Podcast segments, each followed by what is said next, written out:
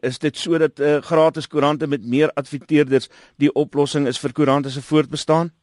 Dis in een opsig 'n baie goeie oplossing as jy kyk die sogenaamde knock and drops, die gratis koerante wat versprei word, het 'n winsgrens van 30% selfs 40%. So dis 'n baie baie goeie uh, goeie sakemodel wat wat langer bene het as miskien ander modelle. Maar aan die ander kant is daar sterk saak uit te maak ook tussen aanhalingstekens vir gehalte lesers.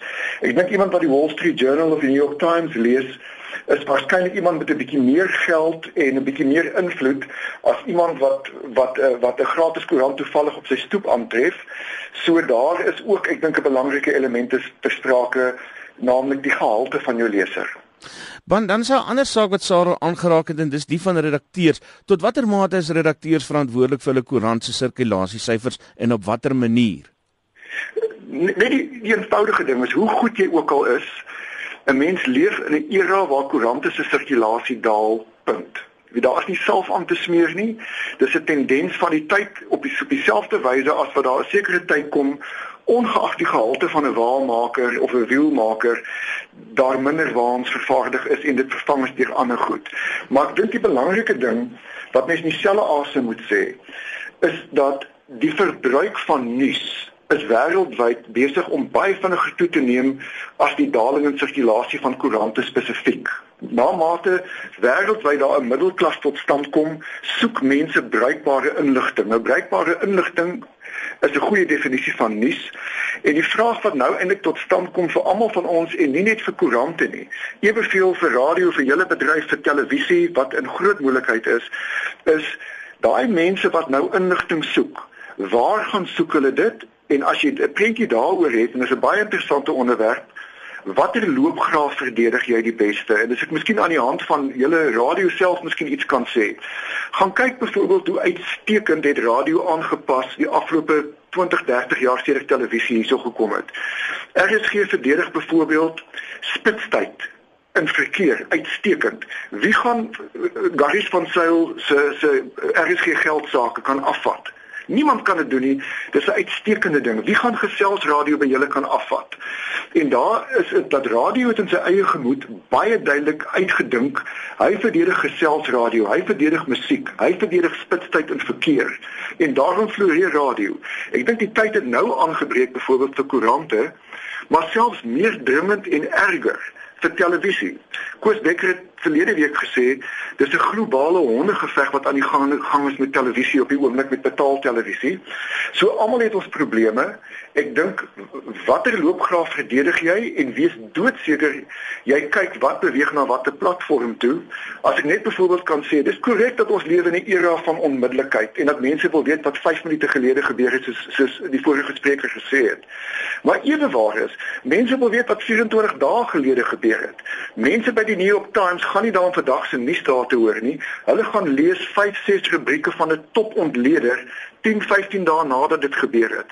So hierdie ding is iets wat oor alle media platforms bedreigings inhou en niemand het 'n enkele antwoord daarvoor nie en almal van ons gaan baie ligvoets en wakker moet wees. Is daar gesprekke, is daar planne in uh besig om te ontwikkel om koerante se sirkulasiesyfers te verbeter? Is dit moontlik? Ek dink nie dit is 'n internasionaal werk nie, Isak. Wat interessant is, wat byvoorbeeld gebeur met met met lande wat goeie en vinnige breëband het, is dat hulle aanvaar hulle hulle nuus sirkulasie daal. Hulle aanvaar moontlike sakemodel waar die koerant verdwyn na 'n sekere tyd, 10 jaar sê maar. Terselfdertyd ontwikkel hulle aggressief televisie want hulle sit met al daai kundige mense daar. Hulle het byvoorbeeld begin met sportuitsendings oor middagete en hulle hulle metamorf gaan en metamorfose dat hulle gaan na na televisie toe byvoorbeeld. Televisie se strategie was gewees as jy gaan kyk toe ek en jy jonk was en ons het na Magnum PI gekyk en en en na Petrocelli, gaan kyk na watter verbetering en gehalte het televisie ondergaan die afgelope 10, 20 jaar. 'n televisiereeks soos Blacklist, weet of Downton Abbey is beter as enige fliek van 10, 20 jaar gelede. So hulle strategie is hulle raak beter. En so het elkeen op die ou ende waarskynlik 'n kombinasie strategie wat wat hy moet hê om te kyk wat werk die beste vir hom. En en en jy jy kan amper dit voorspel nie. As jy gaan kyk, die iPad het gekom 5, 6, 7 jaar gelede as die die antwoord op alles En wat is dit? Jong mense hou nie daarvan. Hulle gebruik dit in 'n klas miskien om om om lesings op te neem, maar dis 'n ouer mense toestel. En wat doen iPads deesdae? Dis jou tweede toestel wat jy saans voor die televisie het. As die televisie jou nie boei nie, dan kyk jy iets anders op jou iPad. En daar sit jy byvoorbeeld met die met die internet wat 'n uh, kragtige middel is wanneer in die middel van die dag oor middagete op weekdae, wanneer mense by die werk daarna gaan sit en kyk. So hierdie hele ding speel uit teen 'n agtergrond wat absoluut fascinerend is want as jy gaan kyk te midde van dit alles het jy fotografie wat besig is om te ontwikkel in 'n nuwe taal. Ek bou nou 'n huis. Ek praat nie met my bouers nie. Ek kyk na die fotos wat hy vir my stuur van die vordering daarvan. Ek vertel nie vir jou waar ek is nie. Ek stuur vir jou 'n foto, 'n selfie waar ek is. So die hele media landskap uh, is besig om te verander en wat ek net miskien wil beklemtoon is dis beslis nie die koerante alleen wat in die moeilikheid is nie. Daar is 'n hele paar mense in dieselfde bootjie as ons. Want dan uh, is dit baie duidelik dat die burger deesdae beter as beeld doen. Uh wat is jou uh opinie daaroor? Wat wat dink jy is die rede vir vir die uh voorkoms? Ek ek dink die burger het 'n voordeel. Ek ek weet ek ek werk nie by beeld nie, so is moeilik om kommentaar te lewer daaroor. Ek dink wat mense kan histories na albei die koerante gaan kyk. Is die burger vir jaar 100 jaar oud. Hy het 'n ontsettende loyale gehoor. Ehm um, mense glo nie iets voordat dit nie in die burger plaasgevind het nie tradisioneel. Daar's 'n apokryfe storie wat sê 'n middag vir reën in die Oeverberg is gehou waar die dominee gesê het en liewe Here soos u vanoggend gelees het in die burger dis droog in die Oeverberg. Dis 'n soort van gesaghebendheid wat die burger het. Dis 'n meubelstuk in mense se huis en jy moet dit ontsettend mooi oppas en respekteer.